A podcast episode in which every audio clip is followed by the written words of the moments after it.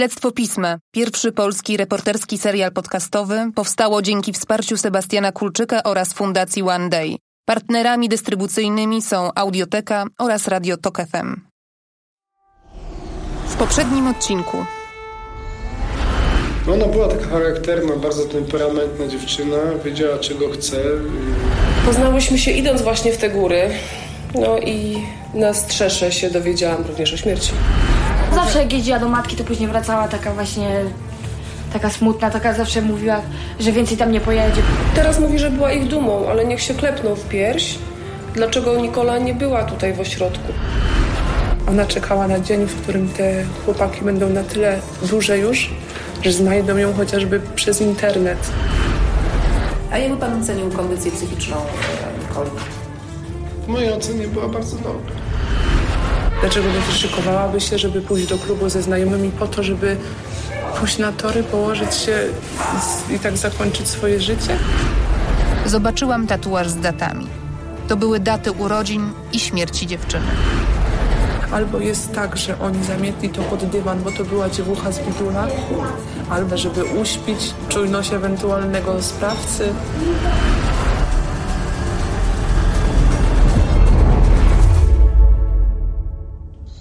Kwietniu 2019 roku ginie Nikola, miesiąc później Julia, a w grudniu Kamila. Nieszczęśliwe wypadki czy może morderstwa? Co łączyło trzy dziewczyny mieszkające w okolicach Jeleniej Góry? Czy to przypadek, że wszystkie chodziły do tej samej szkoły? Jedno liceum, jeden rok i trzy zagadkowe śmierci. Nazywam się Barbara Sowa, a to jest Śledztwo Pisma. Reporterska historia opowiadana tydzień po tygodniu. Odcinek trzeci. Krew na butach. Jeżeli dopiero zaczynasz słuchać drugiego sezonu śledztwa, wróć do pierwszego odcinka. Tylko tak poznasz głównych bohaterów i w pełni zrozumiesz historię, którą relacjonuję. Imiona niektórych rozmówców zostały zmienione. W poprzednim odcinku opowiedziałam Ci o Nikoli, studentce pierwszego roku pedagogiki w Jeleniej Górze, która zginęła na torach nieopodal dworca. Wieczorem 5 kwietnia 2019 roku. Śledczy wykluczyli, że do jej śmierci przyczynił się ktoś jeszcze. A ja im dłużej rozmawiałam z jej przyjaciółmi, tym mniej byłam tego pewna. Kiedy w restauracji w Lwówku Śląskim czekałam na spotkanie z Klaudią, siostrą Nikoli, zamiast której pojawiła się Roxana, próbowałam zebrać wszystkie dotychczasowe wątki. Powoli odtwarzałam przebieg wydarzeń z feralnego piątku. Niestety były to relacje z drugiej ręki. Żaden z moich dotychczasowych rozmówców nie towarzyszył Nikoli tego wieczoru w klubie. Do tych, którzy z nią tam byli, próbowałam dotrzeć przez wiele tygodni. Najpierw ustaliłam, że w Skylabie oprócz Nikoli było ich czworo. Rafał i Honorata, rodzeństwo z okolic Lubomierza, Łukasz, kolega Rafała oraz Weronika. Od wszystkich przyjaciół słyszałam, że kluczowa w tej historii jest właśnie Weronika. To ona przez cały weekend miała przy sobie telefon oraz rzeczy Nikoli. Tak piątkowy dzień relacjonowała Magda, przyjaciółka z Lubomierza. Godzina jakoś 19 była, może 18. Widzieliśmy się, ona z Weroniką siedziała, właśnie czek- mówiła do mnie, że o Jezu, takiej się nie chce jechać do tego Skyla, bo mówi, że ona taka zmęczona, bo tych, bo nasz ze szkoły od razu przyjechała, z uczelni. I właśnie y, mówi, że takiej się nie chce, że, ale że Rafała dawno nie widziała i on właśnie namawiał do tego, żeby jechać, ona mówi, że nie ma pieniędzy, on ją tak kręcał, że on będzie stawiał, on będzie stawiał. Ona mówi, dobra, już pojedzie, ale mówi, że jutro jak coś to się zgadamy, bo dzisiaj faktycznie nie ma czasu, one zaraz idą się ogarniać i w ogóle. No i to jakoś, nie wiem, my się widzieliśmy z godzinę może. One piły piwo, my staliśmy w Lubomierzu na tym, koło Krzyżówki, tam jest takie miejsce. I w sumie tam ją ostatni raz widziałam. I no i później jeszcze na Facebooku ona mi odpisała około 20, jak miały jechać, że właśnie jadą i później już nie miałam w ogóle z nią kontaktu. Do klubu cała paczka dotarła około 22. Wcześniej zrobili tak zwanego bifora. Po drodze zatrzymali się po alkohol na stacji benzynowej. Pili w drodze. Co wydarzyło się w środku? Tutaj wersje zaczynają się rozjeżdżać. Rafał miał pokłócić się z Nikolą i Weroniką. Podobno strasznie je zwyzywał. Czy dlatego Nikola wyszła z klubu? Dlaczego Rafał tak się zdenerwował? Poszło ponoć o chłopaków, których Nikola poznała w klubie. Jedna z wersji mówi, że Nikola chciała iść na parkiet, dlatego zostawiła Weronice rzeczy: kurtkę, portfel, telefon. Potem całowała się z jednym z chłopców, z którymi tańczyła. Weronika była na nią zła, bo została sama, a to była jej pierwsza impreza w klubie. Czuła się nieswojo. Inna wersja mówi, że rzeczy Nikoli od początku zostały w samochodzie, którym przyjechali do Jeleniej Góry, a Nikola wyszła na zewnątrz na papierosa i już nie wróciła. Ale jest też trzecia wersja, że Nikolę i całą ekipę wyrzuciła z klubu ochrona. Ponoć była agresywna i pijana. Od jednego z przyjaciół Nikoli dostałam zapis kilku korespondencji z uczestnikami imprezy. Rafał pisał tak. No ochroniarz ją z klubu wyrzucił i zwyzywał. Mnie przy tym nie było, bo byłem na parkiecie, ale suchy był i po mnie przyszedł i wyszliśmy. Jeszcze do niego gadał, że mają zabrać z klubu, bo mu wpierdoli. Czaisz?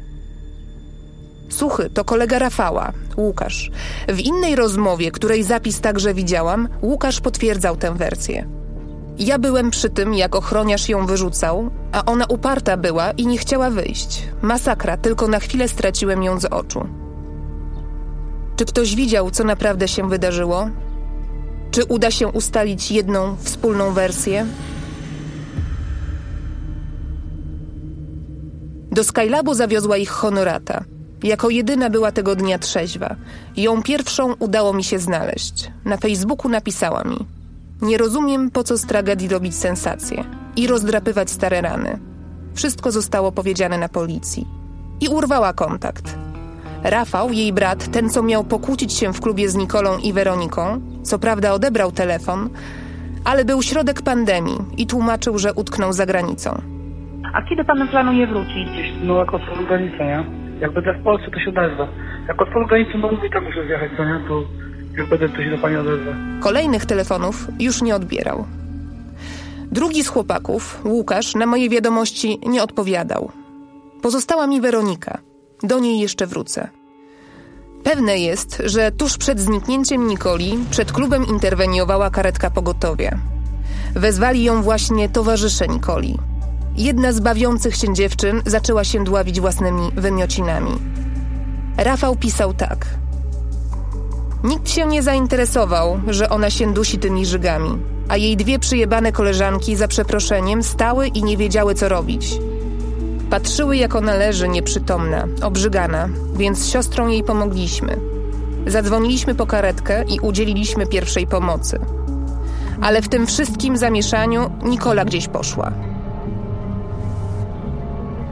Po śmierci Nikoli jej przyjaciele, Magda oraz Adrian, którego znasz z drugiego odcinka, chłopak, który miał wytatuowane daty śmierci Nikoli na nadgarstku, dotarli do dziewczyny, która tego wieczoru potrzebowała ratowników. Niestety nic nie pamiętała. Podsumowując, znajomi nie wiedzieli ani kiedy Nikola wyszła z klubu, ani czy ktoś jej towarzyszył, ani czy po wyjściu z kimś się spotkała.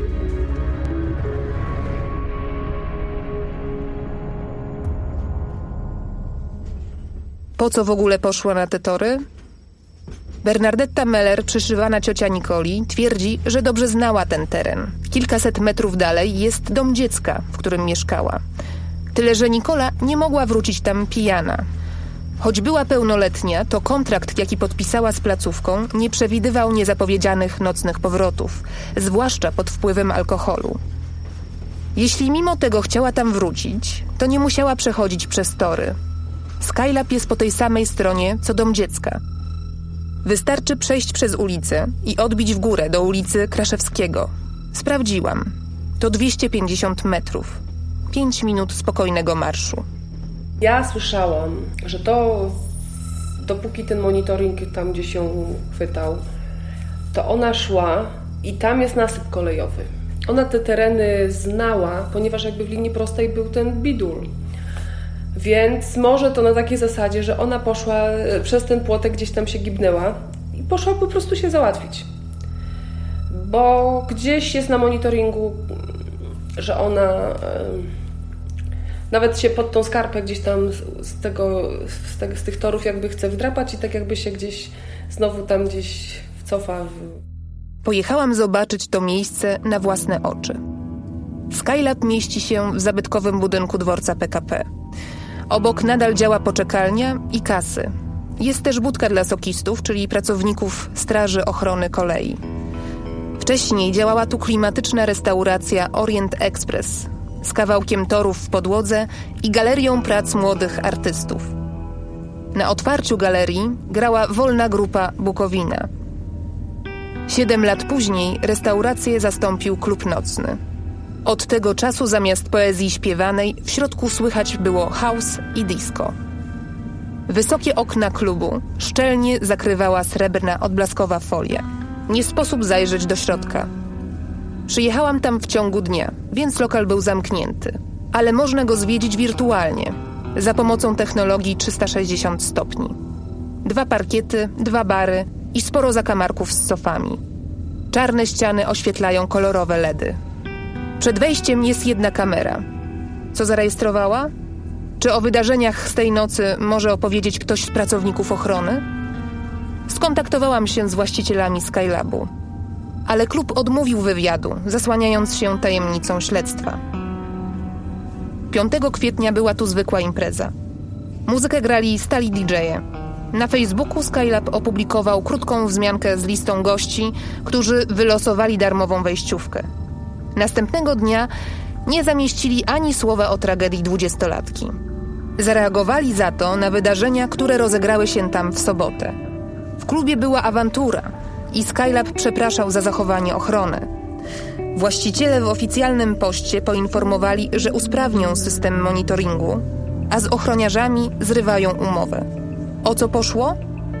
Pod postem jest ponad 100 komentarzy, w których goście opowiadają o przykładach brutalności pracowników, także wobec kobiet.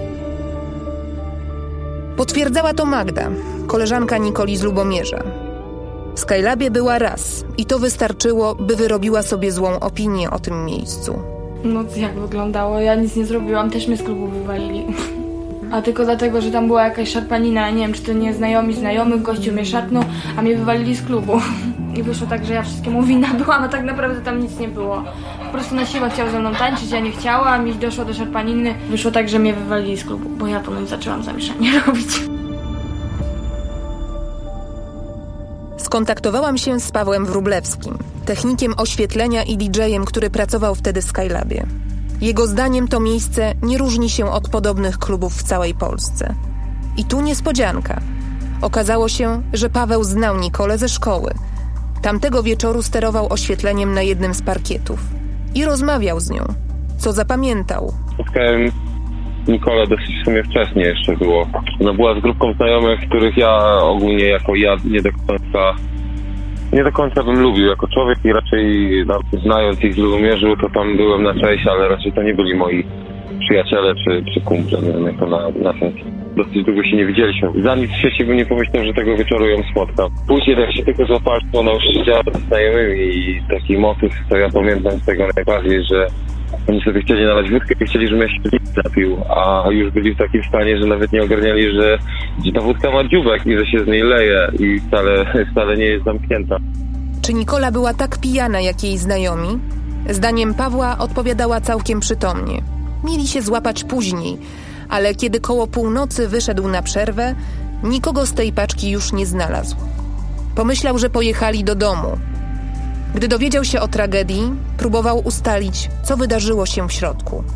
Starałem się rozmawiać z każdym ochroniarzem, z każdą osobą z personelu z klubu i nikt nic nie wiedział tak naprawdę. Mówili tylko, że, że była bardzo pijana. Ja czuję złość za tamten wieczór, że może sam, no może trochę bardziej pomyśleć i, i się nią zaopiekować, ale czułem też, że jej znajomi to zrobią. Większość moich rozmówców ma żal do całej czwórki, która była z Nikolą w Skylabie. Jak mogli ją zostawić? Dlaczego zrezygnowali z poszukiwań? Dlaczego zwlekali ze zgłoszeniem zaginięcia dziewczyny? Czy coś ukrywali? Gdy zadaję to pytanie, od wszystkich po kolei słyszę jedno hasło: narkotyki.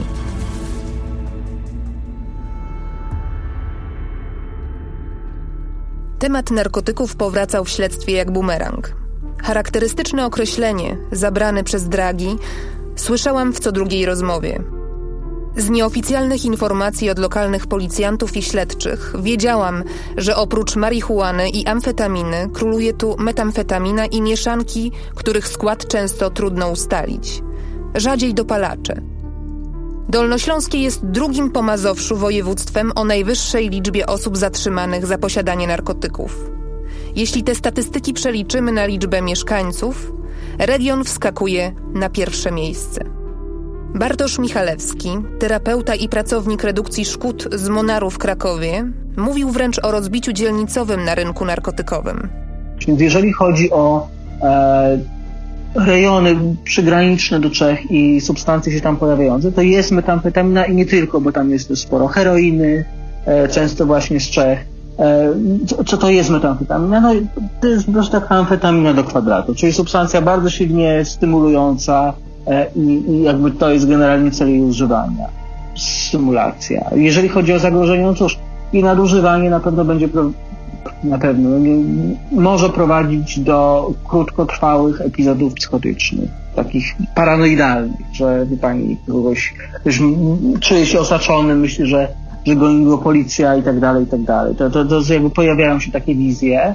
E, I metamfetamina używana w większych ilościach rzeczywiście jest raczej narkotykiem wyniszczającym. To, to, co jest bardzo interesujące, jeżeli chodzi o, o czeską metamfetaminę, ona w, w Czechach w ogóle bardziej popularny jest pervitin, bo, bo, bo on tam jakby jest od, od lat, czyli, czyli jakby taka czeska metamfetamina, ale na, na ich własny rynek w cudzysłowie. Natomiast ta metamfetamina, która się pojawia w Polsce, ona jakby początek swojej przygody też w Polsce zaczyna. W sensie to jest tak, że ona jest produkowana z polskich leków aptecznych bez recepty, robionych na bazie pseudoefedryny, e, które są w dużych ilościach kupowane przez Czechów, wywożone do Czech i tam przy pomocy odczynników, których w Polsce jakby trudno byłoby je zdobyć, jest produkowana metamfetamina i ta metamfetamina później zalewa między innymi polskie pogranicze. Posłuchaj Pawła, który pracował w Skylabie i z Nikolą skończył szkołę w Lubomierzu. To nie jest tak, że to tylko Lubomierz, bo tak naprawdę e, ja tak myślałem, że kurczę, to tylko Lubomierz. A jak e, poszedłem do wojska, e, do Torunia i zacząłem sporo jeździć po prostu po Polsce, zwiedzać sobie miasta, tak jest w każdym mieście, tylko że w mniejszym mieście to bardziej widać, a w większym mieście to jest bardziej pochowane. Nie ma zasady, naprawdę to jest kurczę wszędzie. Metamfetaminę wszyscy chcą walić, bo myślą, że to zabawka, a to nie te czasy już. Nie wiem jak to pani powiedzieć, ja też się wychowywałem na ulicy, nie miałem rodziny, przebywałem w różnych środowiskach szukając lepszego życia i niektórzy świadomie niszczą innym życia narkotykami, naprawdę, tylko dla własnego profitu. Że tak pani powiem na w cudzysłowie, na ulicy jest takie powiedzenie, że w tych czasach jest więcej dealerów niż, niż biorących narkotyki. Dyrektor Miejsko-Gminnego Ośrodka Pomocy Społecznej w Lubomierzu, Bogdan Łużny, obserwuje ten problem w swojej pracy. To, co jest, e, myślę, takie niepokojące, smutne i też przerażające i co mnie martwi bardzo, to jest to, że bardzo często dotyka właśnie samotnych matek. O tym, że Nikola paliła trawkę, wiedziałam. Marihuana jest najpowszechniejszym narkotykiem. Do jej zażywania w Polsce przyznaje się prawie 8% osób w wieku od 15 do 34 lat. Realnych użytkowników jest znacznie więcej. Ale jej znajomi byli przekonani, że od twardych dragów trzymała się z daleka. Magda też tak myślała. Prawdę poznała dopiero po śmierci przyjaciółki. Ona się bała. Ja wiem, że ona się bała, bo ona wie, jak ja byłam na to nastawiona. I bała się, że ja po prostu, ja, ja bym zrobiła te dymy, bo ja wiem o tym, bo ja taka jestem. A szczególnie, że Nikola mi obiecała, że nigdy w życiu nie weźmie. Tam ona czasami zioło zapaliła, ale no tak, żeby przy mnie nigdy nie z twardych narkotyków nic nie wzięła. A tu nagle się okazuje, że ona gdzieś tam brała i ktoś się dowiedziałam po śmierci. Magda słyszała, że w dniu śmierci Nikoli, jeszcze w Lubomierzu, przed wyjazdem do Jeleniej Góry jej znajomi próbowali załatwić na imprezę Czecha lub Piko, jak nazywa się tu metamfetaminę. Ale się nie udało. Towar miał im sprzedać dawny kolega ze szkoły. Że on miał im to przywieźć, ale jakoś tak po prostu czasowo się nie wyrobił i oni pojechali do Jeleni. A czy w Jeleni coś, nie mam pojęcia. Czy na miejscu nadal szukali dealera? A może kupili coś po drodze? Znajomi Nikoli podkreślają, że między wyjazdem z Lubomierza a wejściem do klubu minęły około dwie godziny. W tym czasie z Lubomierza do Jeleniej można dojechać dwa razy, w tej z powrotem. Sekcja jednak nie wykazała śladu narkotyków we krwi Nikoli. Jedynie alkohol, a konkretnie 0,6 promila alkoholu. To niedużo. Są kraje w Europie, gdzie limit trzeźwości dla kierowcy jest niewiele mniejszy i wynosi pół promila. Kiedy wykonano toksykologię i jakie badania obejmowała? Czy to możliwe, że testy zrobiono za późno albo że były niepełne? Poprosiłam o konsultację doktora Wojciecha Lechowicza z pracowni analiz toksykologicznych Instytutu Ekspertyz Sądowych w Krakowie. Rozmawialiśmy czysto teoretycznie, bo nie znałam szczegółów badań, jakie przeprowadzono. Moje podejrzenia wzbudziły jednak wyniki podane przez prokuraturę. Świadkowie, którzy widzieli zapis z kamer, twierdzili, że Nikola wyglądała na bardzo pijaną. Tymczasem we krwi stwierdzono tylko 0,6 promila i brak substancji psychotropowych. To są dwie rzeczy. Subiektywna ocena zachowania kogoś i też wpływ alkoholu na daną osobę, który no, jest różny. No, niektórzy będą mieli pół promila i będą się zataczać bardzo, niektórzy pół promila to dopiero przestają się ręce trząść. Jakieś różnice takiej osobniczej wrażliwości występują. Lechowicz tłumaczył, że młode osoby reagują na alkohol mocniej niż starsze. Pod uwagę trzeba też wziąć wagę ciała i płeć. Najbardziej precyzyjne wyniki, jeśli chodzi o stężenie alkoholu, daje badanie płynu z gałki ocznej. Zwykłe badanie krwi jest obarczone ryzykiem błędu. Ale zdaniem Lechowicza poprawnie wykonana toksykologia wykazałaby obecność metamfetaminy. To substancja, która najczęściej pojawiała się w relacjach znajomych Nikoli. Przy przechowywaniu do roku mm, spokojnie można e, oznaczać, jeżeli byłaby w chłodni przechowywana e, ciało na przykład, to po roku można by spokojnie jeszcze metamfetaminę e, wykryć. A jeśli nie metamfetamina, to co? Na przykład 4CMC, wcale nie jestem przekonany, czy dałoby się po 3-4 dniach wykryć w zwłokach jest duża szansa, żeby się rozłożyło. Więc e, zdarzają się takie niektóre pojedyncze może substancje, które, które mogłyby się rozłożyć i wtedy no nie, laboratorium nie będzie w stanie ich wykryć, no bo mhm. po prostu się rozłożą. Najczęściej laboratoria robią na klasyczne narkotyki, czyli nie wiem, opiaty, kanabinole, amfetaminy, kokainę, prawda? E, natomiast e, no, my robimy jeszcze dopalacze, których jest no, dobrze ponad 200. Heroina jest bardzo nietrwała, kokaina jeżeli chodzi o dopalacze, to niektóre są też bardzo, yy, na przykład 4CMC jest bardzo nietrwałe, yy, katynony niektóre, więc one yy, po, po kilku dniach spadają do takiego poziomu, że, że my nie jesteśmy w stanie ich wykryć. E, a czasami jest tak, że też nie e, znamy wszystkich produktów rozkładu i na przykład nie szukamy wtedy, bo nie wiemy e, do czego się rozkłada. Podsumowując, jeśli Nikola wzięła tego wieczoru dopalacze w rodzaju wspomnianego klefedronu, czyli 4CMC, albo inną podejrzaną mieszankę, badania mogły tego nie wykazać.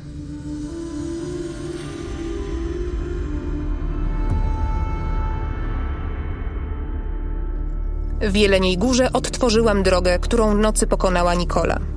To zaledwie kilkaset metrów. Przed Skylabem stoją dwie budki. W jednej jest sklep spożywczy, w drugiej sprzedają hot dogi. Minęłam miejski przystanek autobusowy. Zanim Nikola mogła odbić w lewo, by po paru krokach znaleźć się w domu dla dzieci Nadzieja numer 3. Ale poszła prosto. Jej śladem, ulicą 1 Maja, doszłam do przejścia podziemnego pod torami. Nawet za dnia nie wyglądało najlepiej. Ciemny, zapuszczony tunel, słabo oświetlony. Po drugiej stronie skręciłam w lewo i chodnikiem wzdłuż Wincentego Pola podeszłam w stronę brakującego fragmentu ogrodzenia kolejowego. Widać, że mieszkańcy wydeptali tu sobie dzikie przejście przez tory. Wokół leżą butelki po alkoholu i śmieci. Jak daleko wzdłuż nich zapuściła się Nikola. Od sokistów usłyszałam, że jej ciało leżało za wiaduktem, czyli kolejne 200 metrów. Ale nie wiem, czy mogę im wierzyć. Kiedy ich zaczepiłam, obaj byli pijani. Od Agnieszki Serbeńskiej z zespołu prasowego Intercity wiem, że pociąg Naukowska relacji Białystok-Jelenia Góra wedle rozkładu miał być na miejscu o godzinie 22.12. Ale tego dnia już z Białego Stoku wyjechał kilka minut po czasie. Potem przytrafiły się kolejne problemy techniczne. Więc gdy doszło do tragedii, pociąg miał ponad 75 minut opóźnienia. W środku jechało 7 osób. Pomyślałam wtedy, że gdyby pociąg się nie spóźnił, Nikola pewnie by żyła.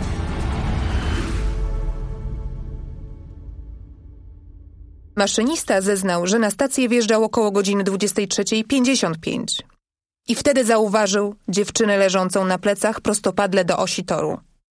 Prokuratura enigmatycznie zapisała, że oddaliła się od znajomych przed 23.45. Pieszo do dzikiego przejścia przez tory szłam niewiele ponad 5 minut. Więc albo Nikola wyszła ze Skylabu wcześniej niż podaje prokuratura, albo na torach znalazła się tuż przed nadjechaniem pociągu. Tyle, że według posiadanych przeze mnie informacji maszynista lokomotywy nie dostrzegł żadnego ruchu dziewczyny. Tak wspominała Roxana. Maszynista, który prowadził ten pociąg, mówi, że to nie jest emocje, no, tak, że, że to nie jest y, pierwsza sytuacja, kiedy on ma osobę pod, pod pociągiem, tak, że, że dochodzi do tragedii, mówi, ale Nikoli ciało według tego maszynisty było ewidentnie ułożone na tych torach. Mm, mówi tak jakby spokojnie spała w łóżku, tak? Mówi, ja, ja to już sobie sama dopowiedziałam, że no tak, no przecież gdyby była tak że leżała po prostu ręce przy, przy ciele, nogi prosto. Więc ja już sama sobie powiedziałam, że w momencie, gdyby była tak odurzona, albo chociażby straciła przytomność, tak idąc, mdlejąc lub upadając z, z upojenia, ciało jest, no nie upadłaby tak, prawda?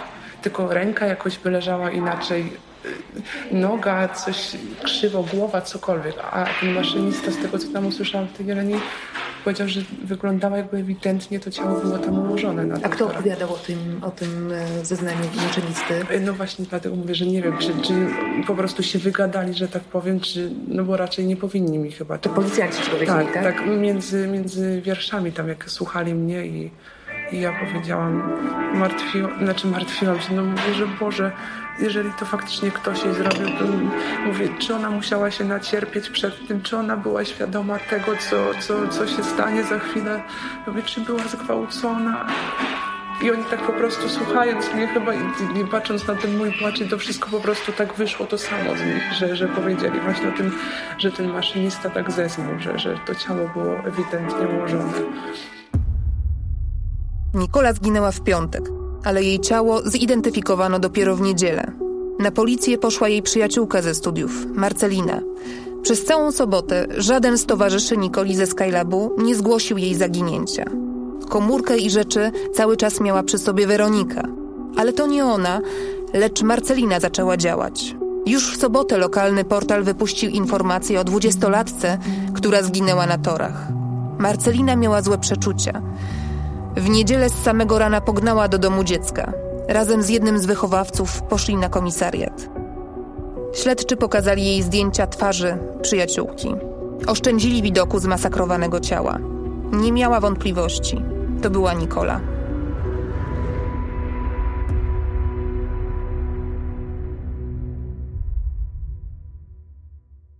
Wiedziałam, że muszę porozmawiać z Weroniką. Dlaczego mając rzeczy Nikoli, jej telefon i kurtkę, przez ponad dobę nic nie zrobiła? Czy ona albo pozostali towarzysze Nikoli coś ukrywali? W końcu udało mi się zdobyć jej adres. Pod wyremontowanym budynkiem z czerwonej cegły spotkałam młodą blondynkę. Zapytałam o Weronikę. Wyprzedziła mnie i zapukała niejako w moim imieniu do drzwi mieszkania chyba albo jest na e, chłopaka. A, rozumiem. A ma Pani tam jakiś telefon, tak, żeby się, żeby się z nią skontaktować, bo mam jakiś stary. Odprowadziła mnie wzrokiem do samochodu. W tylnym lusterku widziałam, jak pobiegła za dom i z kimś rozmawiała przez okno. Na wysokości mieszkania Weroniki. No tak, pomyślałam sobie. Weronika bała się ze mną spotkać. ale przynajmniej wiedziałam, gdzie mieszka. Postanowiłam wrócić tam następnym razem.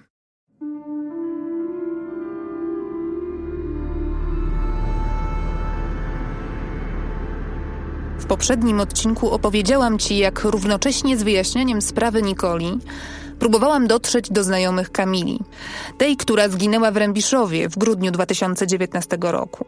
Przez kilka tygodni korespondowałam z Karoliną. Dowiedziałam się od niej, że Kamila nie miała chłopaka. Na jej profilu na Facebooku, kilka miesięcy po śmierci dziewczyny, wpisał się co prawda remik, wyznając, że kochał Kamilę i pamięta każdą spędzoną razem chwilę. Ale jak się dowiedziałam, to stara sprawa. Dziękuję Ci za wszystko. Za miłość, wsparcie, uczucie, Twój uśmiech, poczucie humoru. Mam nadzieję, że widzisz ten post z góry i że jesteś szczęśliwa, napisał Remik. Odezwałam się do niego, ale nie chciał rozmawiać o Kamili. To jej nie wróci życia. Zajmijcie się ważniejszymi sprawami, odpisał na moją wiadomość. Od Karoliny dowiedziałam się, że chłopak odwiedzał Kamilę i nocował w namiocie rozstawionym na podwórku przed jej domem. Kamila jej o tym opowiadała, ale chyba nie traktowała go serio, bo chłopak miał zeza i za daleko mieszkał. Jedynym mężczyzną, jaki częściej pojawiał się w ostatnich miesiącach przed śmiercią u jej boku, był Przemek. Ten sam, do którego dzwoniła w dniu zaginięcia z prośbą o podwózkę. Dzięki Karolinie znalazłam Przemka na Facebooku. Okulary, jasne włosy, srebrny łańcuch na szyi. Kilka tygodni po śmierci Kamili oznaczył się, że jest w związku. Potem na jego profilu zaroiło się od selfie z nową dziewczyną. Napisałam do niego, ale nie odpisał. Postanowiłam więc porozmawiać z nim bezpośrednio. Ale wcale nie było to takie łatwe. Mieszkanki jego rodzinnej wsi, Pobiednej, długo zastanawiały się, jak najlepiej mnie pokierować. Musiałaby pani jechać koło remizy. Jest No, no. w prawą stronę odbicie taka droga. Tutaj będę jechała teraz jeszcze prosto tam, tak? Do Krzyżówki. Do Krzyżówki, no. Później na, W na prawo. dół. No. No jak to wytłumaczyć? No i jak straż jest, to czekaj, Nie, nie, to nie? straż, ale gdzie zjedzie na dół, to musi skręcić koło zakładu, koło trójki. No to tam ktoś może pani to, no bo jak to już wytłumaczyć, ja nie wiem.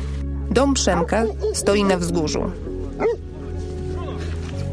Na podwórku krzątał się młody chłopak, brat Przemka, oraz biegał duży pies. Widać było zaparkowane srebrne auto. Nie dostrzegłam marki. Nie weszłam, zostałam za furtką. Pisałam do pana na Facebooku i chciałam zapytać, czy zgodziłby się pan e, pogadać e, o Kamili oczywiście. Robię materiał o tych trzech dziewczynach. Nie, już nie rozmawiać o tym. Dlaczego? W sensie... No, tak, tylko to samo wiem, co oni wiedzą. Aha. Więc I tak nic nie pomogę. Wie pan co, ale... Przemek był wyraźnie zdenerwowany. Nie chciał wpuścić mnie do środka. Rozmawialiśmy przez bramę. Długo jej nie znałem. To Aha. tam niecałe pół roku tylko. Długo. Długo nie wtedy. Bo tak zapady też nie wiem. Mhm. Tam pewnie z koleżankami było trzeba rozmawiać. jakoś. A jak się poznaliście? Chłopak pracuje jako konserwator w ośrodku SPA w Świeradowie Zdroju. Z Kamilą poznali się przez Facebooka. W wakacje, niemal pół roku przed jej śmiercią. Nie byli parą, tak twierdził Przemek, ale wielu znajomych inaczej odbierało ich relacje. Nawet mama Przemka, jak się później dowiedziałam, zeznała, że łączyło ich coś więcej niż przyjaźń. Przemek przyznał, że często woził Kamilę do Lubomierza. Powiedział też, że dziewczynie zdarzyło się iść do szkoły piechotą. Czy tego dnia też miała taki plan? Nie miał pojęcia. W ogóle trudno było się cokolwiek od niego dowiedzieć. Mówił niechętnie. Na podwórko co chwilę wychodzili starsi ludzie, zapewne rodzice, i patrzyli na mnie podejrzliwie. Przemek albo nie wiedział o Kamili wiele, albo nie chciał mówić. Tamtego dnia kończył pracę o 20, więc nie mógł jej podrzucić. I twierdził, że o wszystkim powiedział policji. Sprawdziłam. Rzeczywiście, policja przesłuchiwała też jego kolegów z pracy. Przemek powiedział mi wtedy jeszcze jedną rzecz. Z Kamilą jeździł nie tylko do Lubomierza, ale także na grupie jej koleżanki, Julii. To trzecia dziewczyna, o której ci jeszcze nie opowiadałam. Chodziły do sąsiednich klas w tym samym roczniku. Zanim jednak opowiem ci o Julii, wróćmy na chwilę do Nikoli. Pod koniec poprzedniego odcinka wspomniałam ci o podejrzeniach, jakie na temat śmierci Nikoli miała Roxana, jej kuzynka. O Pawle, tajemniczym mężczyźnie, który po śmierci Nikoli interesował się jej telefonem, usłyszałam już wcześniej, ale nikt nie wiedział, co konkretnie łączyło go z dziewczyną. Niektórzy sugerowali, że Paweł był facetem Roxany, ale ona sama zaprzeczała. Nie byli parą. Roxana doskonale pamiętała dzień, w którym Paweł poznał Nikolę. Boże, no proszę mi wierzyć, ale ja po prostu, on jak ją zobaczył, to ja pierwszy raz widziałam coś takiego. On po prostu aż oczy mu się zaświeciły, cała twarz mu taka no, rozpromieniony był taki, no po prostu ewidentnie bardzo mu się spodobała na, na, wizualnie, na pierwszy rzut oka. Paweł jest dużo starszy od Nikoli. Jest grubo po trzydziestce. Roxana opowiadała mi, że ktoś widział, jak Nikola wsiadała ze swoją przyjaciółką z domu dziecka do busa Pawła. Obie były wtedy pijane. Ale Nikola z początku nie przyznała się jej do tego. Choć potem pytała Roxanę, czy ma kontakt z Pawłem, bo chciała odzyskać od niego perfumy, które zostawiła w jego samochodzie. Później Paweł wyjechał z Lwówka. Według Roxany za granicę. Nie było go kilka miesięcy. Zjawił się u niej niespodziewanie, w niedzielę, dwa dni po śmierci Nikoli. Dokładnie w momencie, gdy odczytywała SMS-a z tragicznymi wiadomościami. Z telefonu Roxany zadzwonił na numer Nikoli. Odebrała Weronika. Roxana przysłuchiwała się ich rozmowie i nabrała podejrzeń. On już wiedział. Właśnie on już wiedział. Ja mówię, ale w jakim klubie? Mówię, gdzie, po co? I nie usłyszałam od niego odpowiedzi dostałam SMS-a na swój telefon z nieznajomego numeru. Co się okazało, był to y, numer telefonu Weroniki. Też mam tego SMS-a do dzisiaj. Brzmiał on dosłownie tak, ej, ale ja wam rzeczy jej nie oddam, bo po nie ma przyjechać policja. Ja tak czytam i mówię, kurde, o co chodzi? Ktoś chyba pomylił numery. Ale tak mówię, Paweł, ty pisałeś do kogoś SMS-a z mojego telefonu? Nie, a co się stało? Pokaż. I znowu mi wyrwał ten telefon z rąk. To było totalnie nie w jego stylu. Ja mówię, no ktoś mi napisał, ej, ale... Wyrwał ci swój telefon, czy Mój twój? telefon, Twój. mój. Mhm. I, I mimo tego, że on mi go odebrał, trzymał mój telefon w rękach, ja mu tego SMS-a zacytowałam. Mówię, co to ma znaczyć? A, no bo ja powiedziałam do tej gówniary, że do Weroniki, że ma oddać Nikoli telefon. I ja mówię, ale po co? No jak po co? Przecież jesteś jej kuzynką, tak? No to ma oddać tobie ten telefon. Ja mówię, ale Paweł, po co? Mówię, przecież ten telefon już dawno powinna mieć policja. Bo to była niedziela, to było dwa dni po tym. I to mnie, to było takie dla mnie przełomowe, że ja się zdecydowałam właśnie pójść na tą policję, bo jemu strasznie na tym telefonie Nikoli zależało. Strasznie mu zależało na tym telefonie. On się powołał na mnie, bez, bez zapytania mnie o to. Jedziemy tam i koniec, dawaj pojedziemy. I, ja zaczęłam się tak jakby bać jego.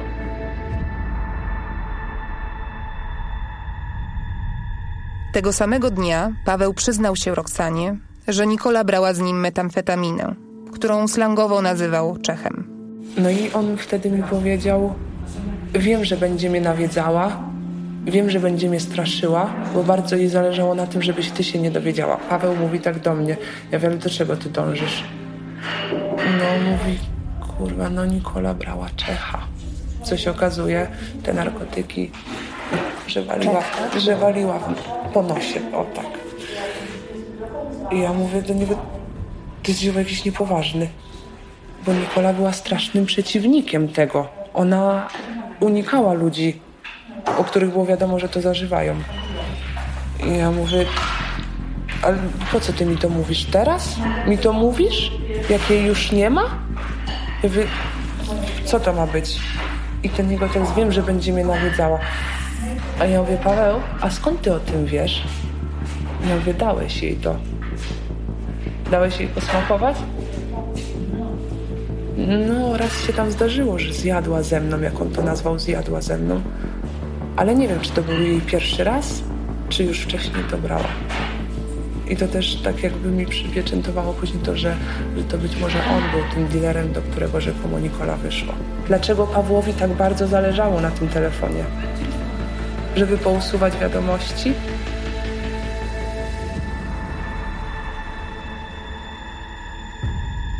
Słyszałam, że towarzystwo Nikoli próbowało w dniu imprezy załatwić narkotyki. Ale w Lubomierzu im się to nie udało. Czy szukali dalej? Czy Nikola dzwoniła tego wieczoru do Pawła? Czy to możliwe, że się spotkali? Roxana twierdziła, że Paweł znał nie tylko Nikolę, ale również Rafała, który był z nią tego wieczoru w Skylabie. Jej podejrzenia to jednak za mało, żeby wysuwać tak poważne oskarżenia. Zapytałam, czy prócz poszlak ma coś więcej. W odpowiedzi Roxana zacytowała słowa znajomej, która spotkała się z Pawłem w noc śmierci Nikoli. Zawsze jak się tutaj zjawiał, zawsze, zawsze do mnie zachodził, zawsze pogadaliśmy, wypiliśmy kawę i tak dalej. No i była sytuacja właśnie ten 5 kwietnia, gdzie około drugiej w nocy, mimo tego, że ten telefon miałam wyciszony, to chyba te światło, bo połączenia mnie obudziło, odbieram, właśnie zadzwoniła do mnie i mówi, ty Pawełek przyjechał, a jego nie było. 5 kwietnia, czyli w noc śmierci Tak, Nikoli. tak. Jego nie było przed tym 8 miesięcy bodajże tutaj, że go nie widziałam kompletnie na oczy, nie było go tutaj, no bo jeździł do tej pracy. Jeździł faktycznie, bo wysyłał mi zdjęcia na Messengerze, palmy i tak dalej, więc faktycznie gdzieś tam za tą granicę jeździł, tej ciężarówki, jak tam sobie gotował na tej przyczepie, więc faktycznie gdzieś tam jeździł. No i odbieram ten telefon, mówię, matko, co się stało? A co się okazało, ją zaniepokoiło to, bo on przyjechał do niej strasznie zdenerwowany i mówi, dawaj wychodź. Mówi, ale weź ze sobą chusteczki nawilżane. Do powiedział. Ona wsiadając do niego do auta podała mu te chusteczki i on zaczął nimi wycierać buty. Mówi, Roxana, to chyba była krew. I ja po tym, jak ten Paweł do mnie w tą niedzielę, ja bałam się komukolwiek o tym powiedzieć, bo bałam się, no o siebie, o swoje dziecko. Ale nie wytrzymałam, bo mówi Roxana, mówi, coś się stało. Ona mówi, po tym, jak usłyszała ode mnie, że Nikola nie żyje, mówi, Roxana, coś się stało i powiedziała mi właśnie o tej sytuacji, że on przyjechał do niej. Mówi, dlatego ja do ciebie zadzwoniłam, bo mnie to zaniepokoiło, mówi, i ta, ta krew. Mówi, Roxana, to musiała być krew, mówi. No bo chyba nie farba, tak? Co wszedłby butami w czerwoną farbę? Miał relację z panią. No wydaje mi się, że ich łączyło coś, taka jakaś bliższa trochę relacja. I A co, powie, co jej powiedział, że skąd przyjechał, że gdzie był? zanim przyjechał do niej, czy zadzwonił, jesteś w domu? To ja zaraz podjadę, bo wracam z Jeleni. I to było godziny takie, Nikole parę minut po 23 przyjechał pociąg, a on zadzwonił do parę minut po północy wracał z Jeleni. A przyznał się, że był wtedy tam? Ktoś go widział? Nie przyznał się, ale i, i ja usłyszałam to na policji. Ze swoimi podejrzeniami Roxana wraz z koleżanką poszły na policję. i zapytali nas o to, czy mm, pamiętamy może rejestrację, tablice rejestracyjne. Ja mam manię tego, ja nie patrzę na kolor auta, na, na model, tylko na rejestrację i wtedy wiem, że jedzie ktoś znajomy. Ja zapamiętałam tą rejestrację, ja im podałam ją tam na policji. I później właśnie, jak wcześniej mówiłam o tej sytuacji, że wyszedł ten jeden policjant z tym naczelnikiem, rozmawiali, co usłyszałam, te słowa, których nie chciałam usłyszeć e, na temat Nikoli. Wykorzystałam moment i po prostu tak tak na szybko zapytałam tego policjanta, z którym został. Mówię, co miałam rację, mówię, z tymi y, tablicami rejestracyjnymi? A on tylko przymknął oczy mi pokiwał. Co się okazuje później? Ten policjant, który został ze mną, dołączył do tamtych i mówi, no jest, w sześciu punktach łapie go miejski, czyli monitoring miejski go łapie w sześciu punktach.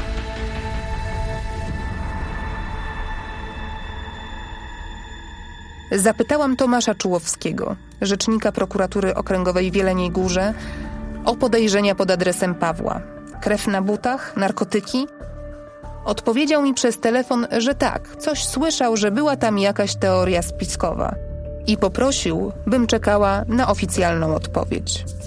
Ale muszę się uzbroić w cierpliwość, bo akta przejęli policjanci z Wrocławia, by sprawdzić, czy śmierci dziewczyn były ze sobą powiązane. Potem dodatkowo sprawę utrudniła pandemia. Kilku prokuratorów zostało odesłanych na kwarantannę. A więc jednak ktoś skojarzył fakty i połączył te sprawy. Śmierci trzech młodych dziewczyn z tej samej szkoły w tak krótkim czasie były podejrzane. Po dwóch miesiącach śledztwa miałam wrażenie, że odbijam się od ściany. Gdyby sprawa toczyła się w Warszawie, nie miałabym problemów z szukaniem źródeł informacji, dojść na policji czy w prokuraturze. Ale tu, na Dolnym Śląsku, 500 kilometrów od domu, czułam się prawie jak w obcym kraju. Do tego doszła pandemia, która na kilka tygodni kompletnie sparaliżowała wszystkie prace. Uświadomiłam też sobie, że całe śledztwo zaczęło zmieniać swój charakter. Nadal chciałam rozwiązać zagadkę śmierci dziewczyn, ale obok wątku kryminalnego rozrastał się drugi, dla mnie równie, a może nawet bardziej poruszający. Za każdym razem, kiedy wracałam z Dolnego Śląska, przez wiele dni nie mogłam uwolnić się od obrazu życia młodych kobiet z tych małych miasteczek i wsi. Często pełnego przemocy, biedy i beznadziei. Mówiąc to, daleka jestem od powtarzania prostych stereotypów. Doskonale wiem, jak wygląda słodko-gorzkie dzieciństwo na wsi. Ten obraz nie jest mi obcy. Sama pochodzę z małej lubelskiej miejscowości. Pamiętam poczucie braku perspektyw i odcięcia od świata oraz problemy z alkoholem w co drugim domu. Ale to było 20 lat temu. Tak bardzo chciałam wierzyć, że w tym czasie kraj poszedł do przodu i otworzył młodym nowe możliwości. Niestety przy okazji utorował drogę nowym problemom. Alkohol nie zniknął, pojawiły się narkotyki. Internet sprawił, że wielki świat z fotek na Facebooku czy Instagramie wydaje się być na wyciągnięcie ręki. W rzeczywistości jest jeszcze bardziej obcy i nieosiągalny. W całej układance brakowało mi jeszcze historii Julii, trzeciej uczennicy Lubomirskiego Liceum, która zginęła w Bogatyni na początku maja, miesiąc po tragedii Nikoli. Pojechałam spotkać się z rodzicami Julii. Historia, którą od nich usłyszałam, sprawiła, że musiałam zmienić sposób opowiadania o tej tragedii.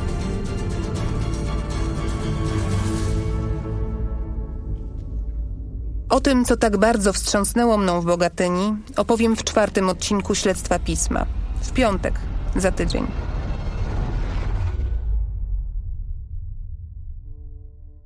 Dzień dobry, nazywam się Karol Paciorek i na YouTube prowadzę kanał o nazwie Imponderabilia. Tam rozmawiam z moimi gośćmi długo i bez cięć. Magazyn Pismo i podcast Śledztwo Pisma znam od samego początku. Śledzę każdy numer tego miesięcznika i wysłuchałem każdego odcinka podcastu. Dlatego właśnie postanowiłem wziąć udział w tym nagraniu. Ta historia dotyczy osób, które samotnie borykały się ze swoimi problemami. Dlatego podaję numery miejsc, do których ty, ktoś z twoich bliskich lub znajomych może bezpłatnie zadzwonić i poprosić o pomoc albo po prostu porozmawiać. Jeżeli zmagasz się z trudną sytuacją, nie wiesz co zrobić, zadzwoń. Podziel się tym, co przeżywasz. Zapewnią ci bezpieczeństwo i dyskrecję. Pomogli już wielu. Zadzwoń pod bezpłatny numer 870 4 dwójki. Całodobowe Centrum Wsparcia dla Osób w Kryzysie. Możesz też napisać mail lub skorzystać z czatu na stronie liniawsparcia.pl. Telefon zaufania dla dzieci i młodzieży to 116 111. Jest bezpłatny i czynny codziennie całą dobę, podobnie jak infolinia dla dzieci i młodzieży, rodziców oraz pedagogów. Działająca pod numerem 800 080 222. Jeśli ty, ktoś z Twoich bliskich lub osób, które znasz, doświadcza przemocy, skontaktuj się z ogólnopolskim pogotowiem Niebieska Linia, dzwoniąc pod całodobowy i bezpłatny numer 800 120 002. Śledztwo Pisma to reporterska historia opowiadana tydzień po tygodniu. Prenumeratorzy miesięcznika Pismo, magazyn opinii oraz subskrybenci Pisma, audioteki i Tok FM Premium mogą słuchać każdego odcinka na tydzień przed jego oficjalną premierą. Od 2 października co tydzień odcinki udostępniane są na śledztwopisma.pl, na kanałach Śledztwa Pisma na YouTube, Spotify, Apple Podcast, Google Podcast i SoundCloud. Na stronie magazynpismo.pl znajdziesz więcej wyjątkowych reportaży. Wykup dostęp online do pisma i korzystaj ze wszystkich treści, w tym ponad pół tysiąca materiałów audio. To 250 godzin słuchania. Śledztwo Pisma, pierwszy polski reporterski serial podcastowy, powstało dzięki wsparciu Sebastiana Kulczyka oraz Fundacji One Day. Wyprodukowała je Fundacja Pismo, wydawca miesięcznika Pismo, magazyn opinii. Partnerami dystrybucyjnymi są Audioteka oraz Radio Tok FM. Drugi sezon Śledztwa Pisma prowadzi Barbara Sowa. Producentem jest Piotr Nesterowicz. Koordynatorem produkcji Mateusz Ressler. Weryfikacja faktów Marcin Czajkowski. Konsultacja merytoryczna Halszka Witkowska, Polskie Towarzystwo Suicydologiczne. Nagrania rozmówców wstępnie opracował Stanisław Dec. Realizacja dźwięku Maciej Zych, Wojciech Pątkiewicz. Grafika Tomasz Majewski. Muzyka Wojtek Wierzba oraz zasoby biblioteki Audio Network. Nagrań dokonano w studiu Osorno.